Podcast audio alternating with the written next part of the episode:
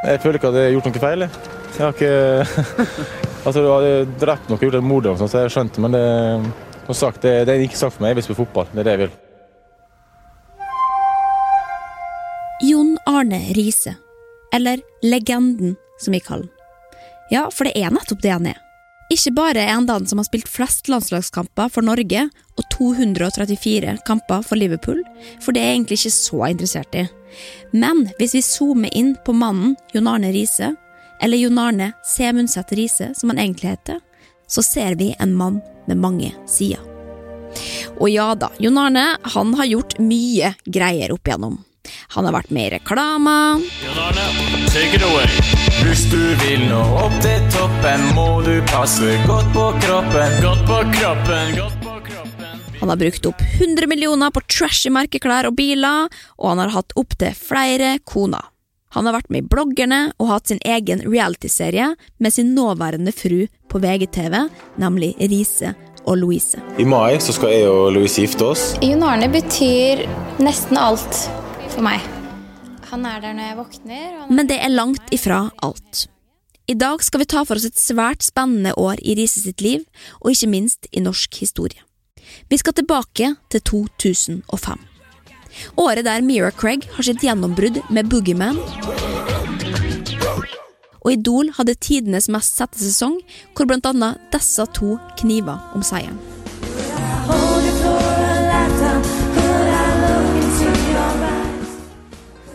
Ja, og Det du hørte der, det var en nydelig duett mellom stjernelaget Alejandro Fuentes og Jorunn Stiansen, hvor det var sistnevnte altså som stakk av med seieren foran selveste Tone Damley. Ser vi utenfor Norge, er 2005 året hvor Brad Pitt dumper Jennifer Aniston til fordel for fuckings Angelina Jolie, som vi aldri heller skal glemme eller tilgi. Det vi skal dykke ned i i dag, er stort og omfattende. Det har hatt stor påvirkning på manges liv og trekkes stadig fram i upassende anledninger som et vondt sår som aldri vil gro. Vi snakker selvfølgelig om Jon Arne Rises famøse SMS-skandale. Jeg heter Linnea Myhre, og jeg er ikke gravejournalist. Men jeg er veldig interessert i historiske hendelser i populærkulturen og detaljene du ikke visste at du trengte. Og i dag så skal du få detaljer, for å si det mildt, så det er bare å helle noe godt i glasset. Kanskje en Farris Bris, granataple og bringebær, som er da altså Jon Arnes angivelige favoritt. Skal vi tro et sponsa blogginnlegg fra seinere år, da. Og så er det bare å ta på seg flygelua og brillene og sette oss på vår imaginære motorsykkel. For det er altså samme år som at Crazy Frog tar av på hitlistene, at det også tar av for Jon Arne Riise. Tilfeldig? Neppe.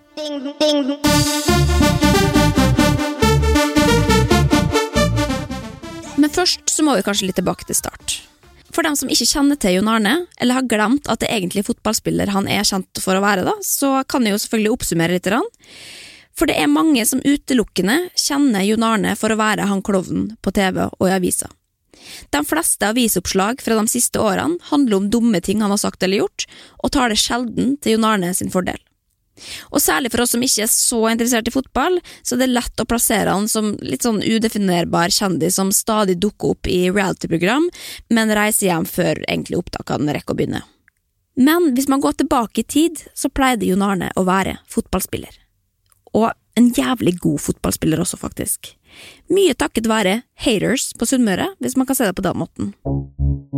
Og dette her det er en veldig viktig del av historien for at vi skal forstå dagens mann.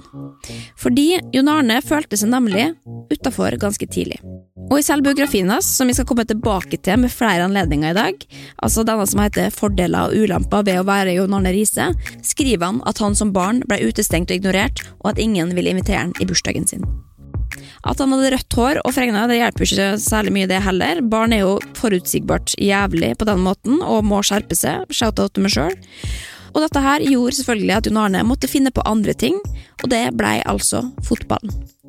Han sov med fotballen om natta og triksa hele veien til og fra skolen. Når han ikke gjorde lekser eller var på skolen, så spilte han fotball. Og det er det jo mange som gjør, tenker du kanskje, eh, enten man har venner eller ei. Men Jon Arne hadde altså en ekstra drive og et gir, og det var nemlig haters-giret. Og nå kan det høres ut som at jeg gjør narr, altså, eh, men det er faktisk ikke tilfellet. Fordi, altså, jeg må bare si det, jeg digger jo narrene, bare så det er sagt. Og i selvbiografien hans beskriver han det som faktisk var haterskiret, og hvordan han flytta det emosjonelle raseriet til noe kroppslig. Så løper jeg. Hver morgen samme runde. En time løper jeg. Ofte møtte jeg avisbudet på veien. Jeg skal vise dem, sa jeg til meg selv. Jeg skal vise dem. Jeg løp alt jeg klarte. Jeg tenkte på de som var slemme mot meg på skolen. Da kunne jeg selvfølgelig se dem for meg mens jeg sleit ut kroppen, se ansiktene deres, høre dem og dra på enda mer. Lungene klarte det nesten ikke, men jeg tvang meg selv til å løpe fortere. De skulle faen meg få se.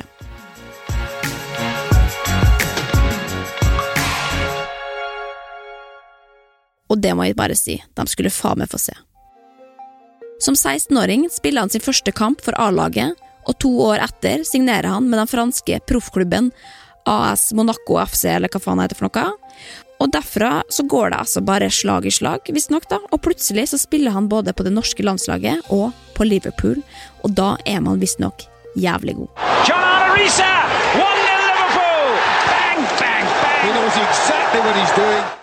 Ja, og sånn gikk nå dagene og årene, da, og etter 2004-2005-sesongen så var altså Jon Arne udiskutabelt på toppen av sin karriere. 25. mai 2005 vant Liverpool Champions League.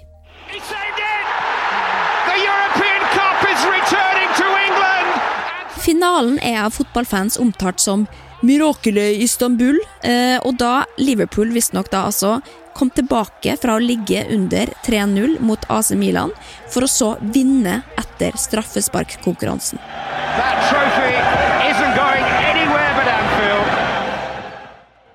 Liverpool skåra på fire av tre straffer. Den eneste som bomma, var Jon Arne Riise. Men det er ikke så viktig, herregud, jeg hadde bomma sjøl, jeg.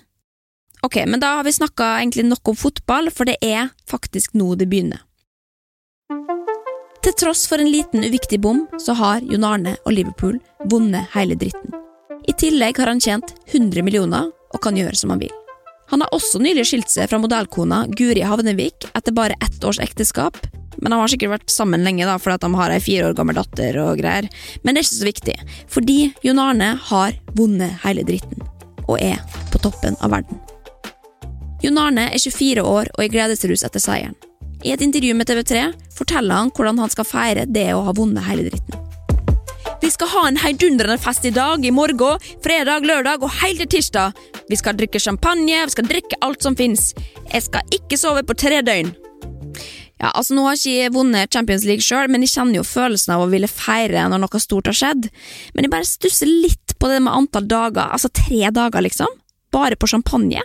Altså, Er det noen som veit om det i det hele tatt lar seg gjøre? Altså, Hvor sjukt vondt i hodet har du ikke da, på dag fire? Ja. Uansett, Jon Arne har i hvert fall satt av noen dager da, til festing. First things first, og så videre så skal han visst hjem da, til Norge og treffe dattera og greier, som jo er en hyggelig gest. Uansett, etter det som sikkert blei tre-fire dager da, med champagne og kanskje noe deilig chicks, så går turen tilbake til Norge. Og plutselig dukker en sak opp på VG. Iført slengbukse og tanktopp er Jon Arne spotta på Grünerløkka i Oslo. Og han er ikke alene. Ved sida av Jon Arne går nemlig selveste Sandra Lyng Haugen, eller Idol-Sandra, da, som hun heter den gangen, og de har visstnok vært ute og spist middag sammen på den meksikanske trendrestauranten Mucho Mas. Overskrifta lyd som følger Sammen på middag. Og da er det altså dem to, to av Norges hotteste kjendiser for øyeblikket, som er avbilda på vei nedover Løkka. Altså, Bildet ser ikke umiddelbart romantisk ut, altså begge er ganske seriøse og går med god avstand og greier, og det eneste som egentlig er oppsiktsvekkende, er at de ikke helt greier å bestemme for hvem av dem som har det jævligste antrekket. Er det Jon Arne med tanktopp og dongeri slengbukse som går av med seieren? Eller er det Sandra sine baggy jeans stappa i hvite boots og trang fløyelsblazer knappa igjen over magen? Det skal også nevnes at Jon Arne akkurat har pulla opp i sin tre millioner kroners Ferrari, så ja, jeg tror faktisk at det er han som må vinne her, altså. Det har handlet om raske biler og pene jenter for Jon Arne Riise de siste dagene. Og At folk er interessert i fotballen er greit, at folk er interessert i privatliv, det skjønner jeg at de er, men eh, det får jeg prøve å holde utenom. Men med en rød italiensk sportsbil ber du ikke akkurat om å være anonym i Oslos gater. Det hele Norge nå lurer på, er selvfølgelig om Jon Arne og Sandra er kjærester. Og VG legger seg på telefonen og ringer Jon Arne, som av en eller annen merkelig grunn tar telefonen. Han avkrefter imidlertid ryktene med en gang, og sier følgende til VG. Ja, altså, nei, vi er jo bare gode venner som har det gøy sammen og flirer og ler. Venner som er ute og spiser middag. Hadde det vært noe mer, så hadde jeg sagt det. Var dette noe jeg ønska å skjule, så hadde vi ikke gått hit for å spise. Ja, ok, så det var den mystikken. Altså, det må jeg si, veldig skuffende for Sandra, da, sikkert, når de akkurat har vært på det som kan ha vært en date, og så bare går han rett ut og avkrefter. Men, men. Det er sommer og sol, og Jon Arne er fortsatt på toppen av verden. Men nysingle Jon Arne kjeder seg. Men i stedet for å plukke ut ei kvinne han kan fokusere på og forsøke å forføre, så har Jon Arne en litt annen plan. Altså, hva om jeg bare skriver ei melding hvor jeg overøser med kompliment og greier, og så bare spør jeg om en date? Og så bare sender jeg det til alle de fineste jentene på kontaktlista mi? Og så ser jeg hvem som svarer? Det er jo genialt! Og det er akkurat det Jon Arne Riise gjør. En vakker sommerdag satte han seg ned med sin splitter nye Sony Eriksson I800 med Walkman-funksjon og Crazy Frog som ringetone, og forfatte en SMS. God kveld, prikk, prikk, prikk. Etter veldig mye ringing og alle mulige kontakter, så har jeg endelig fått tak i nummeret ditt. Jeg har alltid syntes at du er kjempesjarmerende, søt, sexy, fantastisk utstråling, og ikke minst, du virker veldig spennende og utfordrende. Blunkefjes. Håper vi kan ha kontakt. At det er selvfølgelig bedre ut på en romantisk middag for to. Blunkefjes. Kyss fra Jon Arne Riise. XXX. Ja, og så er det nå bare å copy-paste da, og få han ut til så mange som mulig, og Jon Arne scroller på kontaktlista si og sender meldinger til, ifølge ryktene, følgende kvinner. Marna Haugen. Pia Haraldsen. Farmen-deltaker Barbro Fagerbakk. Big Brother-deltaker Anette Young. Lena Alexandra Øyen. Pia Tjelta. Tone Damli. Natasja Malte, som jeg må innrømme at jeg ikke vet hvem er, men hun har altså i nyere tid stått fram som et Weinstein-offer, så det er jo ganske mørkt. Marion Ravn, Mona Gruth, Aylar Lie, Katrine Sørland, Synnøve Svabø, ekskjæresten til Petter Stordalen, Sunniva Myhren, Caroline Nakken, Miss Norway 2005, glamourmodell Helene Rask, Renate Eggen, som visstnok er da en eller annen trønder som har vært med i et svensk reality-program hvor man dater en millionær som senere viser å ikke være millionær likevel. Angelique Melluk, som er også en modell, da, selvfølgelig. Og sist, men ikke minst, Sandra Lyng Haugen, som jeg må innrømme, jeg skjønner ikke helt hvorfor. Altså, Dem som var så gode venner og greier, og flirte så godt i lag på restaurant. Altså, Hvorfor skal du sende en ny melding når dere allerede har vært på restaurant? Nei, dette skjønner jeg ikke, altså. Det er mange spørsmål som melder seg idet man går gjennom denne lista. Og vi kan jo oppsummere det med at de fleste norske kjendiskvinner på dette tidspunktet er representert. Men jeg må innrømme at det er én jeg likevel savner på lista, nemlig hele Norges nye idol, Jorunn Stiansen. Så sånn nå kan du ødelegge en hel dag for meg, nå kjenner jeg helt svett! Altså, jeg mener, hva faen, Jon Arne?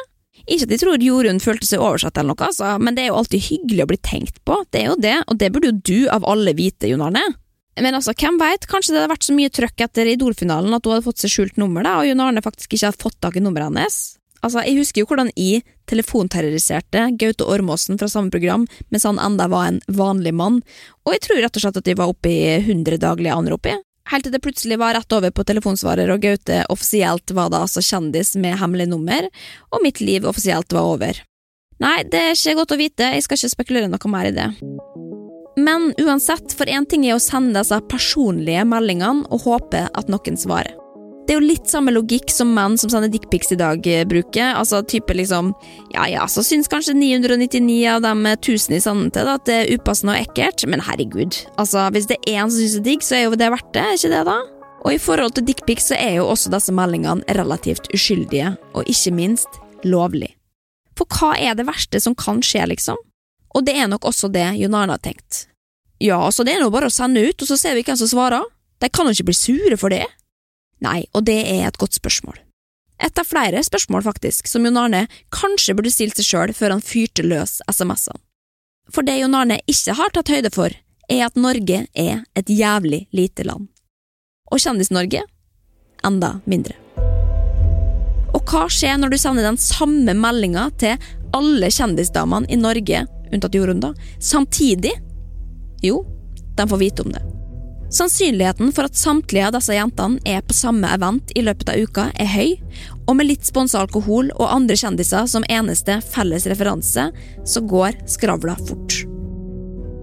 Kanskje har Lene Alexandra skrytt litt eh, casual om det til Marion Ravn, spurt om hennes formening om dem to som par, og så har Synnøve Svabø rangla forbi, overhørt noe snakk om Riise, og da greier hun selvfølgelig ikke hun heller å holde seg, og plutselig så er det altså en stor gjeng som står i sirkel og sammenligner SMS-er, mens det sakte, men sikkert synker inn.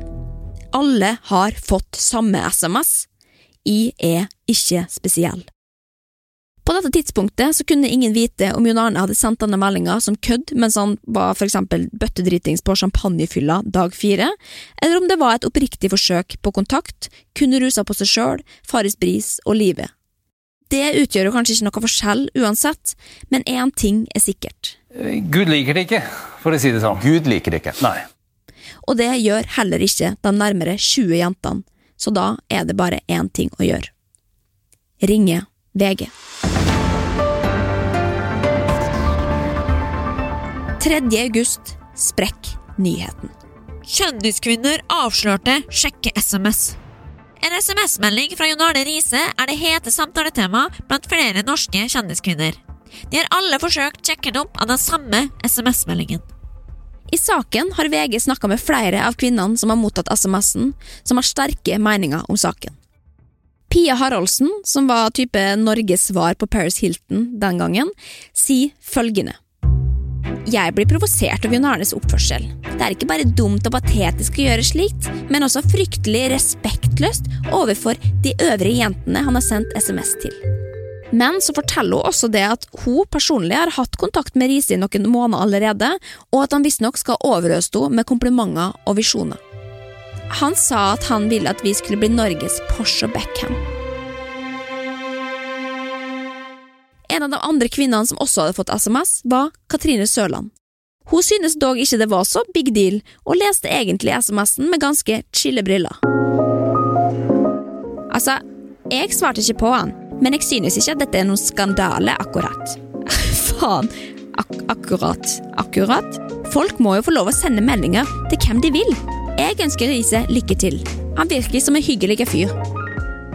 Og der må jeg si meg helt enig med Katrine, altså. Herregud, en liten copy-paste SMS med upersonlige, syltynne kompliment, liksom. Altså, ja da, det er både flaut og dumt, det, men hvordan har man energi til å bli krenka av noe sånt? Har dere prøvd Tinder? Ja, og så er det litt andre kommentarer og sånn i artikkelen, da, men det er ikke så spennende, egentlig, for det som faktisk er mest oppsiktsvekkende i denne saken, er siste setning. Jon Arne Riise svarte ikke på VGs henvendelser i går kveld. Nå har ikke jeg lest alle saker som er skrevet om Jon Arne Riise opp gjennom historien, men jeg tror at jeg kan telle på ei hånd hvor mange tilfeller det faktisk finnes hvor han ikke har tatt telefonen og slengt inn en ikke gjennomtenkt kommentar. Så wild guess her er enten at Jon Arne faktisk er litt flau, eller så er han rett og slett bare død. Og det er flere som syns det er rart at Jon Arne Riise ikke vil kommentere saken. Og mens han desperat prøver å få tak i den, dytter Aftenposten ut en sak med overskrifta. Jon Arne Riise nekter å kommentere sjekke-SMS. Hele Medie-Norge rives i håret etter mer kjøtt på beinet, mer bensin å kaste på Jon Arne-bålet, et bål som egentlig er brent jevnt og trutt i mange år allerede. Saken diskuteres hyppig i nettforum og rundt lunsjbord i kantina landet over, og folk er dypt engasjert i spørsmålet om hvorvidt det var riktig av Jon Arne å sende ut disse SMS-ene. I mellomtida tikker klokka i mediehusene. Vi må få en kommentar fra Jon Arne snart, eller noen, altså noen som helst. Hva som helst! Og hvem ringer man når man er helt desperat? Jo, Berit Riise. Og bare for å forklare Berit Riise, så er det altså Jon Arne Riise sin mamma. Uten Berit ingen Jon Arne, og motsatt. De to er som erteris, og Berit har fulgt Jon Arne gjennom all slags vær med støtte, omsorg og sterke meninger. Berit går med andre ord gjerne i krigen for sønnen sin, og forsvarer han når som helst. Og som med mødre flest, så er det jo klart at det blir litt flaut iblant. Og når du sjøl holder kjeft fordi du kanskje er litt flau for noe, så er det kanskje ikke nødvendigvis mor di du sender ut for å snakke for det. Men Berit Riise gir faen og er ikke blyg når VG ringer for en kommentar om SMS-skandalene. Det lukter for smådde kvinner. Ja, og allerede her så lukter jo denne saken ganske flaut, og ganske riktig. Berit syns selvfølgelig at tekstmeldinga fra sønnen er skjønn. Jeg syns at tekstmeldinga er sjarmerende. Jeg hadde følt meg sjarmert sjøl. Tekstmeldinga var hyggelig. Jeg tror alle kvinner kan stille seg bak det. Nja, altså, jeg veit ikke helt. Det var kanskje ei hyggelig melding, da, men personlig så veit jeg ikke helt om det er akkurat denne meldinga som hadde fått med på kroken. Eh, men folk er jo forskjellige, da. Men når VG da altså spør om disse kvinnene som har uttalt seg kritisk om meldingene, er Berit derimot klar i sin tale. Vi holder på å le oss i hjel her. Jeg må le. Det er mulig et par av disse kjendiskvinnene er rimelig desperate. Nja, ok, så da er det altså kvinnene som har fått disse meldingene som er desperate, da, og ikke Jon Arne, som faktisk sendte disse meldingene til nærmere 20 stykker. Forstår dere det riktig da? Berit avslutter samtalen med å understreke at Jon Arne er singel, og er det kriminelt å være singel og sjekke damer også nå? Riise sin lillebror Bjørn Helge Riise slenger seg også på og kommenterer at han er singel gutt og må få lov å gjøre slikt! Utropstegn. Uansett, det føles ut som år og dag siden nyheten om at flere kvinner har fått sjekke SMS-en kom ut, men sannheten er at det knapt har gått ett døgn. Men hittil er det bare mor og lillebror Riise som har kommentert saken, og Norges befolkning ligger våkne og venter på at Jon Arne Riise skal ta bladet fra munnen. Og så, endelig. Etter flere timer med hva vi er vant til av stillhet, kommer den første uttalelsen. Og det er selvfølgelig ikke til hvem som helst. Nei, Jon Arne har gått til det eneste bladet man kan stole på, nemlig Se og Hør. Samtlige norske medier siterer Se og Hør, hvor Jon Arne sier følgende om det som nå har fått navnet SMS-skandalen. Det var idiotisk, og jeg ledde litt av meg sjøl i ettertid. Jeg flørte kanskje litt for mye, men fikk bare hyggelige svar. Hensikta har bare vært å oppnå kontakt med noen søte jenter jeg setter pris på, og jeg sier ikke nei til en SMS-flørt. I tillegg påstår han også at han i sin villeste fantasi aldri hadde trodd at media ville lage en sak på dette, og at han derfor ønsker å holde en lav profil heretter. Før han avslutter med følgende sitat. Nå vurderer jeg å kaste mobiltelefonen min rett i søpla. Ja, og det er nå egentlig ikke så dumt forslag, det, selv om det sikkert bare var kødd, men det er jo uansett et godt sitat, og det bør jo egentlig være nok til å legge ballen død. Men Rises SMS-skandale var ikke død.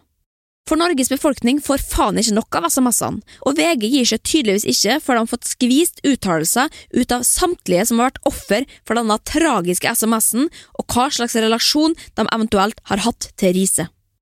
Allerede samme dag dukker en sak opp om den tidligere Miss Universe-dronninga Mona Gruth, som avslører at det ikke er første gang hun mottar SMS fra SMS-kongen sjøl. Til VG mimrer hun over meldinga hun har fått tilsendt et par år i forveien. Sitat. Jeg husker ikke den første ordrett, men det var noe om at han følte seg som Espen Askeladd. Han hadde halve kongeriket, men mangla prinsessa. Jeg valgte å lese meldingene, og ikke noe mer. Jeg var ikke interessert i noe videre kontakt. Sitat slutt. Ok, avvist av Miss Universe, altså. Den er jo kjip, og de fleste hadde jo kanskje lagt ballen død med det, men ikke Jon Arne Riise. For Jon Arne er her for å nyte livet og ha det gøy, og er ikke her for å la seg påvirke av filleting som avvisninger. Så han bare kjører på og prøver igjen. Og jeg må nå egentlig respektere det, eller?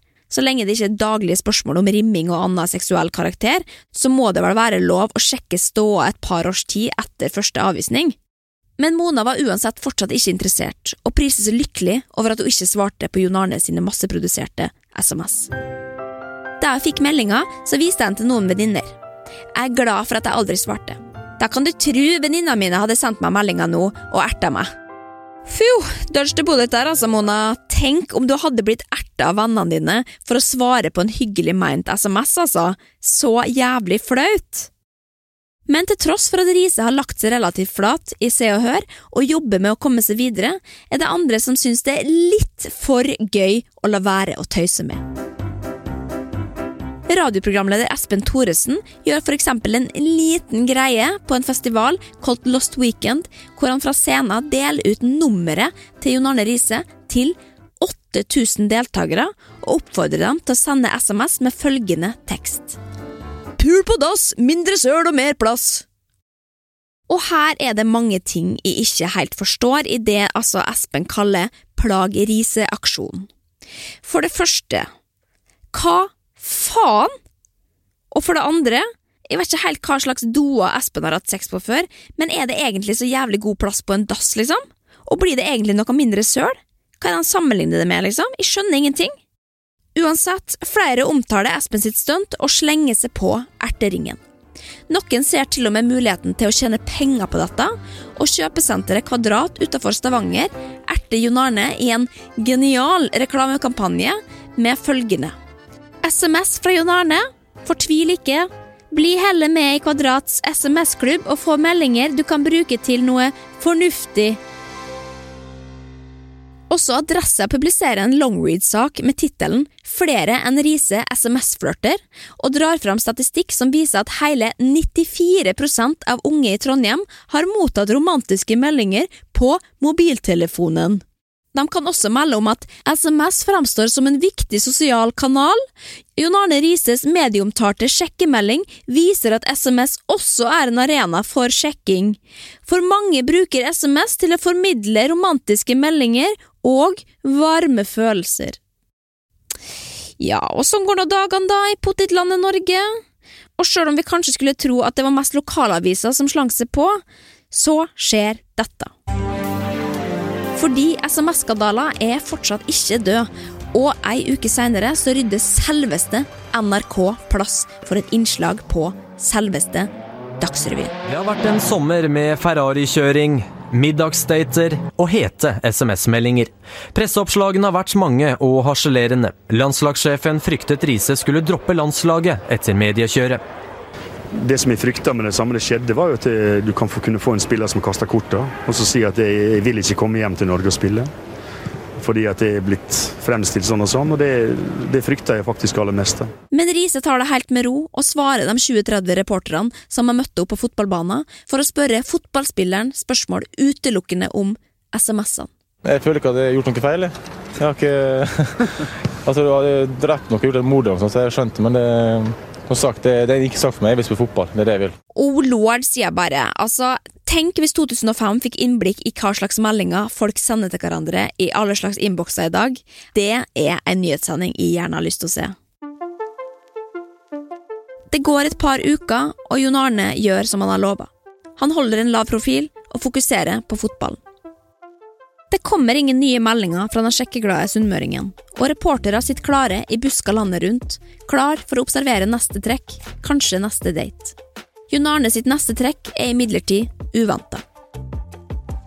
For til tross for at Jon Arne kanskje har slått av telefonen og gått i fotballbobla, så har han fått med seg Kvadrat sitt stunt, hvor de har brukt navnet hans i det som etter min mening er en ganske middels reklamekampanje.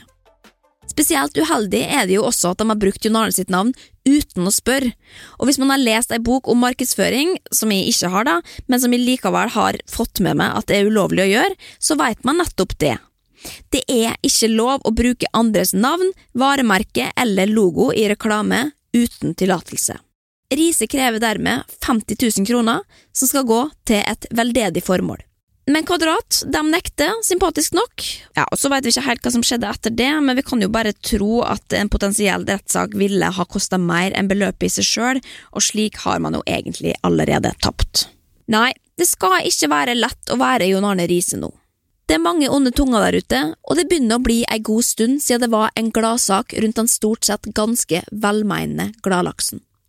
Det begynner rett og slett å bli for mye feil informasjon ute og går, og Jon Arne føler seg misforstått. Og hva gjør man når man føler seg misforstått? Jo, man skriver en bok med sannheten. Det har gått fem måneder siden SMS-skandaler idet Jon Arne slipper bomba om kommende bok. I et intervju med Dagbladet Magasinet er han ikke bitter i det hele tatt. Altså, når boka mi kommer ut, så er det en del folk som skal få kjørt seg. I saken snakka han ut om den tunge tida etter SMS-skandalen, og hvor feil framstilt han blei. At han slett ikke hadde meldt med mange samtidig, og at det var på tide å rette opp i dette.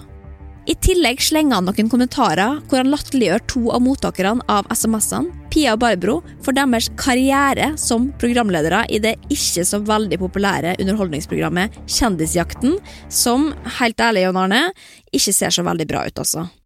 Men når det er sagt, så veit de alt om å framstå usympatisk i intervju, så her har jeg ryggen din, men jeg er nok også kanskje den eneste.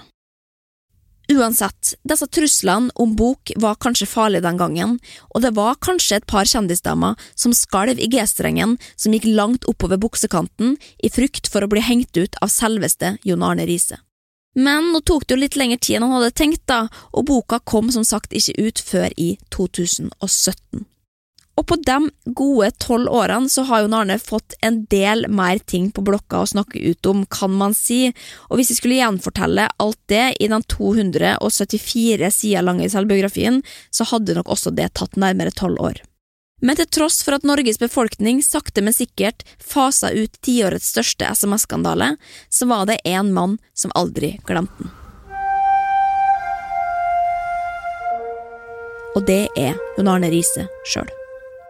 Til slutt så har jeg lyst til å lese litt fra paragrafen om SMS-ene i Jon Arne sin selvbiografi. Biografen er ført i penna av forfatter Jens M. Johansson, men fortalt av Jon Arne Riise og gjenfortalt av meg på sunnmørsdialekt, fordi jeg er ganske god i det. Jeg var 24 den sommeren. Vi var absolutt barnslige, men først og fremst var vi single. Jeg tror det var sånn vi begynte. Vi på landslaget hadde nummeret til alle mulige damer. Som rik, profesjonell og ung fotballspiller får du en god del tilbud. En dag skulle jeg ta flyet hjem fra Norge. Avisene lå oppå setene, og da så jeg plutselig ansiktet mitt på forsida. Kjendiskvinner fikk samme SMS. Refse Rises sjekketriks. I feit blå skrift. Jeg hadde lyst til å reise med, rive avisene ut av hendene på de andre passasjerene og rope ut at det var løgn. Det var ikke sant! For det første, en rekke av kvinnene som var nevnt i saken, hadde jeg aldri i mitt liv sendt en SMS til. Flere av dem visste ikke engang hvem var. Jeg vet ikke hvorfor de sto frem, men noen av dem var jo damer som ikke skygget unna publisitet. Likevel, når det er sagt, jeg skal være ærlig her, jeg sendte masse SMS-er. Riktignok så var det en periode på kanskje ett år, ikke i en bolk, sånn som det så ut i avisene. Men jeg sa ingenting da avisene ringte. Jeg kunne ikke gjøre noe annet enn å sitte stille og se saken blåses ut av proporsjoner. Det var fest i avisene den sommeren, jeg følte meg som gutten i skolegården igjen, og det bare fortsatte. Og til slutt så vurderte jeg å ta en pause fra landslaget.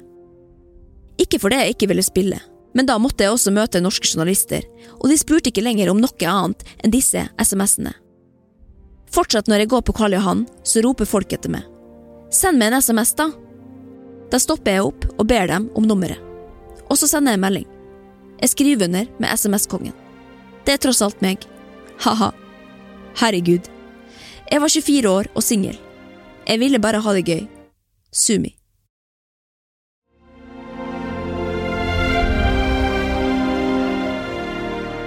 Ja, så det var altså Rises egen versjon av historien. Og sjøl om det aldri finnes bare én sannhet, så tror jeg nå at vi har hørt begge sider av saken. Eller Morlach like 100 sider av saken, fra alle som gjerne vil mene noe om legenden Jon Arne Riise, og definere hvem han er.